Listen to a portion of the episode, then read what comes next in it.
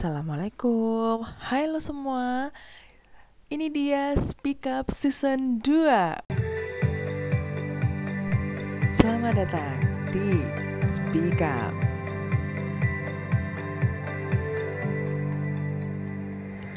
Waduh. Karena uh, kemarin-kemarin itu sempat vakum ya Speak Upnya beberapa bulan kayaknya ya tapi sekarang atas permintaan bunda semua yang udah japri, terima kasih banget atas uh, apa ya? atas apresiasinya sampai sampai japri ke bunda dan meminta untuk ayo dong bun kapan nih speakernya tayang lagi dan akhirnya bulan Juli ini naik lagi lah speak up untuk menemani bunda semua mungkin yang sedang melakukan kegiatan atau aktivitas di rumah karena kita bakalan uh, di rumah aja nih selama PKM ini jadi semoga speak up kali ini bisa uh, menjadi teman waktu bunda beraktivitas di rumah oke okay.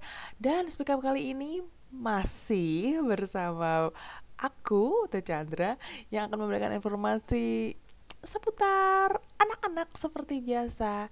Dan kali ini aku akan mm, ngobrolin tentang kesiapan anak untuk masuk ke sekolah dasar. Nah, anak-anak itu tuh sering banget kan nanya, aduh kira-kira anakku ini udah siap nggak ya masuk SD gitu. Kenapa sih kok ngebahas ini? Ya karena ini bertepatan dengan tahun ajaran baru dan kebetulan juga beberapa hmm, belak minggu belakangan ini banyak banget yang nanyain bun uh, gimana proses pendaftarannya gini-gini gitu dan banyak ternyata memang orang tua sudah uh, cukup sigap ya sekarang ya sudah mulai yang menata kira-kira dari tahun ke belakang atau beberapa tahun ke, ke belakang nih udah mau nyapin nih anaknya untuk masuk SD. Nah, tapi ada beberapa juga yang masih kayak bingung gitu loh. Aduh, gimana ya nih ya? Uh, persiapannya gimana ya? Mulai mulai taman kanak-kanaknya kah? Atau mulai uh, playgroupnya kah? Apa aja yang harus udah dimatangkan nih di anak-anak gitu. Nah meskipun terjadi juga banyak perubahan ya saat anak masuk di jenjang pendidikan formal kayak SD gitu kan tapi anak juga akan mengalami perubahan uh, dalam hal lingkungan fisik juga nih. Karena pada saat mereka di TK nih mereka kan belajar dan bermain dalam gedung yang lebih kecil gitu kan. Dan jumlah siswa yang relatif ya lebih sedikit lah. Tapi pada saat SD nanti mereka juga akan belajar di gedung yang lebih gede. Terus kemudian juga dengan murid yang lebih banyak. Kalau pada saat tatap muka karena sekarang masih pandemi dan kemungkinan besarnya adalah masih online ya berbeda lagi gitu. Ini juga perlu persiapan juga nih. Kayak tahun ini si kakak masuk ke SD dan online. Belum kenal gurunya sama sekali belum kenal teman-temannya sama sekali semuanya semuanya nanti harus uh, dia harus adaptasi dulu dengan dengan dengan apa ya dengan sekolah baru secara online dulu. Ini juga perlu persiapan juga buat anaknya. Nah selain itu juga kan kalau di TK itu kan orientasinya di siswanya ya maksudnya dengan uh, gurunya itu yang lebih ke yang lebih ke anak-anaknya gitu kan. Sedangkan kalau di SD itu kan kebalikannya karena muridnya banyak satu kelas dan gurunya cuma satu dan gurunya pasti mengharapkan mereka semua sudah bisa uh, matang dalam dalam posisi bahwa duduk di bangku dalam dalam durasi yang lama sudah mampu mengendalikan dirinya sendiri dan mereka juga sudah bisa menangkap instruksi dari sang guru juga. Nah, di sekolah dasar ini nih uh, anak juga sudah mulai dikenalkan dengan aturan-aturan kan, dengan prosedur-prosedur yang harus ditaati di sekolah. Seperti misalkan kayak berbaris sebelum masuk ke kelas atau jam belajaran yang lebih pagi biasanya. Atau apa ya? Mungkin angkat tangan sebelum bertanya gitu. Banyaklah pokoknya peraturan-peraturan di sekolah. Itu juga uh, harus mulai diadaptasi juga oleh anak-anak. Nah, mereka juga selain peraturan-peraturan tadi itu, nah anak juga diharapkan sudah uh, mampu untuk melakukan hal-hal secara mandiri, misalkan ke toilet sudah bisa sendiri, gitu kan, mencari barang-barang pribadinya, menata, menata dan juga uh, melakukan kegiatan bela belajar mengajar itu secara secara secara mandiri udah nggak yang gurunya harus nyiapin semuanya satu persatu per anak kan juga nggak mungkin ya kalau di kalau di SD gitu. Nah, kira-kira nih apa aja sih yang dibutuhkan? Waduh, yang dibutuhkan. Nah, di sini Bunda sudah uh, merangkum dari beberapa sumber yang bisa kita jadikan referensi untuk kesiapan anak-anak dalam uh, menghadapi SD. Jadi kita juga sebagai orang tua bisa menceklis lah paling tidak. Oh, ini anakku udah lolos nih part-part ini nih. Oh, yang ini belum nih. Kayaknya masih ada spare waktu untuk bisa kekejar gitu. Yang pertama itu adalah kemampuan motorik kasar. Kemampuan motorik kasar itu apa sih? motorik kasar adalah kemampuan untuk menggerakkan otot besar di dalam tubuh. Misalkan nih kayak lari, duduk, jalan gitu. Nah, kemampuan-kemampuan motorik kasar inilah yang diperlukan untuk memasuki SD. Jadi coba deh kita cek nih, anak-anak tuh bisa nggak sih berjalan di garis lurus, kemudian berdiri dengan satu kaki, berlari naik turun tangga tanpa kita cemat-cemut ngelihatnya karena dia sudah benar-benar bisa naik tangganya itu yang kokoh kakinya bisa satu di step satu kaki di step satu kaki satunya di step dua jadi bukan yang naiknya itu uh, satu step itu dua kaki dua kaki tapi memang udah langsung satu dua tiga langsung jalan gitu kemudian melompat jauh dan mendarat dengan dua kaki secara bersamaan, melempar, bermain bola kayak lempar tangkap, itu apakah udah oke? Okay? Nah, seenggaknya nih kemampuan motor kasar yang mesti di apa uh, dimiliki atau bisa dilakukan oleh anak-anak itu seperti ini untuk mereka siap menghadapi jenjang sekolah dasar. Karena dengan kemampuan yang kayak gini nih, anak tuh bisa melakukan permainan di antara teman-teman sebanyak nanti. Jadi kayak juga bisa mengembangkan kemampuan sosialnya dengan baik. Selain itu, kemampuan motorik kasarnya juga diperlukan untuk ya menjalani pelajaran olahraga di sekolah, tentu saja. gitu. Kemudian selain motorik kasar juga yang jelas adalah motorik halus bedanya antara yang motorik kasar dan motorik halus adalah kalau motorik halus itu keterampilan yang menggunakan otot-otot kecil serta melibatkan koordinasi mata dan juga anggota tubuh lainnya. Nah, kemampuan motorik halus ini nih yang seharusnya sudah dimiliki oleh seorang anak sebelum masuk ke SD. Seperti udah bisa megang pensil dengan benar, kemudian sudah bisa membentuk uh, kok membentuk? Menggambar bentuk dasar nih kayak lingkaran segitiga persegi. Jadi misalkan coba deh anaknya dikasih kertas sama pensil. Uh, kakak bisa nggak bikin persegi? Bisa nggak gambarin buna lingkaran nah itu dia udah yang set set set udah yang gitu. Nah dia juga sudah bisa mewarnai dengan baik. Sudah kalau mewarnai itu bisa di dalam batas uh, link batas lingkar apa ya? Batas gambarnya, batas garis gambarnya udah nggak yang acak adut lah, udah mulai bisa agak rapi gitu. Nah, kemudian dia juga bisa menggunting mengikuti pola yang udah ada bermain menyusun balok tiga dimensi, sudah bisa pakai baju, celana, sepatunya sendiri, terus kemudian sudah bisa makan sendiri juga gitu. Itu yang memang yang harus kita perhatikan juga. Kadang-kadang terdengar sepele ya tapi kalau pas anaknya diminta untuk melakukan itu kadang ada yang belum benar-benar menguasai gitu. Jadi perlu diasah. Practical life bun gitu. Practical life itu adalah kunci Nah, selain itu, kemampuan berikutnya yang memang harus dimiliki anak-anak juga nih untuk menghadapi dunia peresdean yaitu kemampuan sosial emosi karena di lingkungan sekolah dasar kan ya tentu aja lingkungannya akan beda banget ya sama lingkungan di TK atau di PAUDnya dulu. Nah, untuk agar mereka bisa menikmati kehidupan mereka di SD nih, ya tentu aja anak-anak kan juga perlu memiliki kemampuan bersosialisasi yang baik. Misalnya kayak mereka bisa menghormati orang yang lebih tua seperti pak satpamnya atau mungkin uh, penjaga perpustakaannya, tukang kebunnya, dan tentu aja gurunya sendiri gitu. Nah, anak-anak ini juga mesti bisa nih menghargai teman-teman sebayanya dan juga bisa membangun relasi dengan teman-teman sebaya itu dengan baik gitu. Nah, terus gimana dong? nah, makanya jadi mereka itu penting banget untuk memahami pentingnya mengantri. Nih, anak-anak harus diajarin untuk mengantri dalam segala kesempatan dan segala kegiatan. terutama ini biasanya ini uh, yang paling gampang itu kalau di rumah kalau mereka punya saudara ya punya kakak atau adik gitu nah itu bisa dipakai belajar juga untuk ngantri kayak ngantri uh, ngambil nasi misalkan mau mau makan sama-sama bisa ngambil nasinya kan harus ngantri kayak gitu. Itu bisa dibudayakan.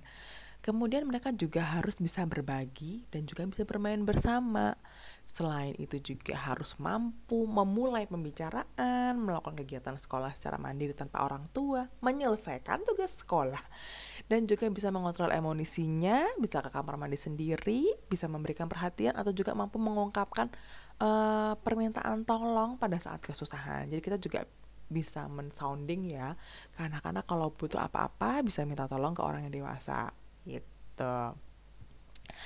Nah, Kemampuan berikutnya adalah kemampuan kognitif, tentu aja. Kemampuan kognitif ini kan kemampuan untuk berpikir ya, misalnya kayak mengingat, memecahkan masalah, dan juga mengambil keputusan.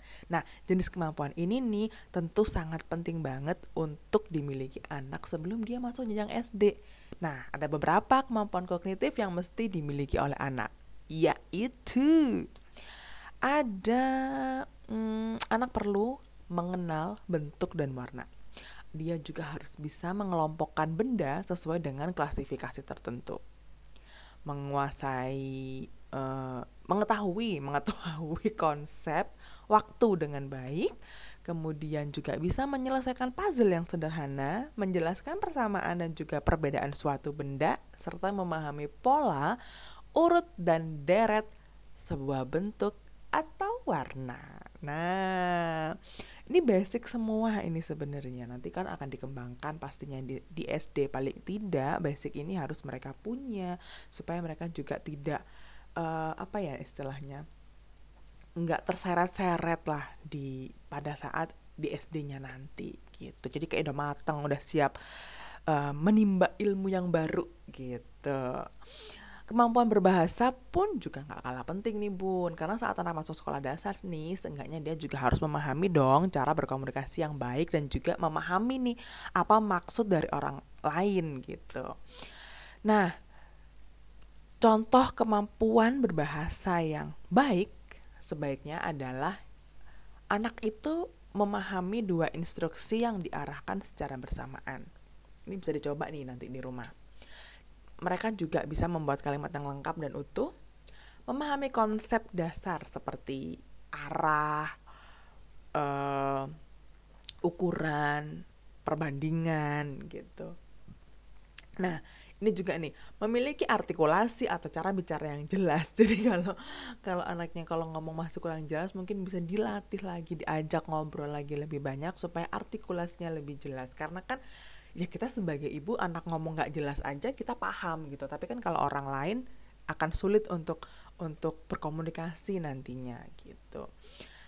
Kemudian anak juga dapat menceritakan kembali nih uh, sebuah cerita dengan urutan yang sistematis. Ini juga bisa dipelajari kalau uh, si kakak di rumah biasanya saya habis baca buku dia aku minta untuk menceritakan kembali apa yang dia baca tadi gitu. Dengan bahasanya yang sederhana dia akan berusaha untuk untuk menceritakan itu. Nah kita nanti akan denger, dengerin aja. Kan berarti ceritanya kita pasti udah nangkep nih dia bisa ngurut nggak nih ceritanya? Atau dia putar-putar muter-muter ceritanya. Nanti bisa dibantu pelan-pelan. Kalau anak sudah terbiasa nanti akan ngurut tuh. Kalau bercerita bisa berurutan Kemudian juga uh, si anak ini harus bisa membuat kalimat yang berisi dari 10 kata atau lebih gitu. Nah, banyak ya ternyata PR-nya ya. Jangan sedih, masih ada. Kemampuan literasi. Nah, kemampuan literasi ini tuh perlu banget untuk anak yang akan masuk jenjang SD karena kecakapan uh, menulis serta kemampuan untuk membaca dan berhitung ini memang ya kita nggak bisa menutup mata juga mak karena banyak sekali uh, masuk SD itu yang memang ada tes kalistungnya. Ini untuk sekedar informasi saja ya walaupun mungkin tidak semua ada tesnya cuman sekarang itu kan kadang kan lagi ada pro dan kontra juga nih. Harusnya tuh kalistun diajarkan di SD tapi nyatanya di SD itu sudah uh, ada um, tes kalistungnya gimana dong? Nah itu juga sebenarnya membingungkan. Karena jujur aku dulu juga sempat kaget sih waktu anakku usia playgroup terus kemudian ada di sekolahnya itu ada kayak semacam upacara bendera 17-an gitu dan semua petugasnya adalah anak-anak TK-nya jadi kakak kelasnya dan di situ pembaca Pancasilanya, protokolnya, kemudian pembaca undang-undangnya itu adalah kakak TK uh, eh, K2 atau TKB. Jadi aku langsung yang, hah anak-anak itu ini sudah bisa baca gitu. Lancar pula. Tapi ternyata ya ya kondisinya memang seperti itu. Kalau aku pribadi selama anaknya bisa menikmati uh, proses belajarnya dia tidak merasa tertekan sok ayolah gitu. Jadi bagi PR-nya lagi-lagi adalah menciptakan kondisi belajar di rumah yang menyenangkan lanjut balik lagi. Selain itu nih anak-anak juga sebaiknya sudah mampu menikmati sebuah cerita storytelling dan juga bisa menuliskan namanya sendiri dan juga memahami kata-kata yang sering dia lihat gitu. Uh, ini pasti buat bunda semua yang anaknya suka storytelling atau suka read aloud atau suka baca buku deh pokoknya itu pasti akan sering banget mereka ngomongnya itu dengan bahasa yang baku. Jadi kayak kayak uh, denger denger dia ngomong itu kayak kita lagi ngelihat drama SD gitu kan. Ngomongnya bisa baku gitu. Karena memang ya dia mengulang kembali dari kata-kata yang ada di buku sih sebenarnya. Dan it's okay aja sih. Nanti juga lama-lama luas sendiri walaupun kadang juga antara ya karena kita karena kita tidak terbiasa berbicara dengan bahasa yang baku jadinya kan memang kayak aneh apa sih kak ngomongnya kok kayaknya kaku amat gitu bahasanya. Apakah kamu mau? Gitu gitu. Ya udahlah ya. Tapi ya mereka akan mendapatkan kosakata yang semakin banyak memang dengan proses membaca itu.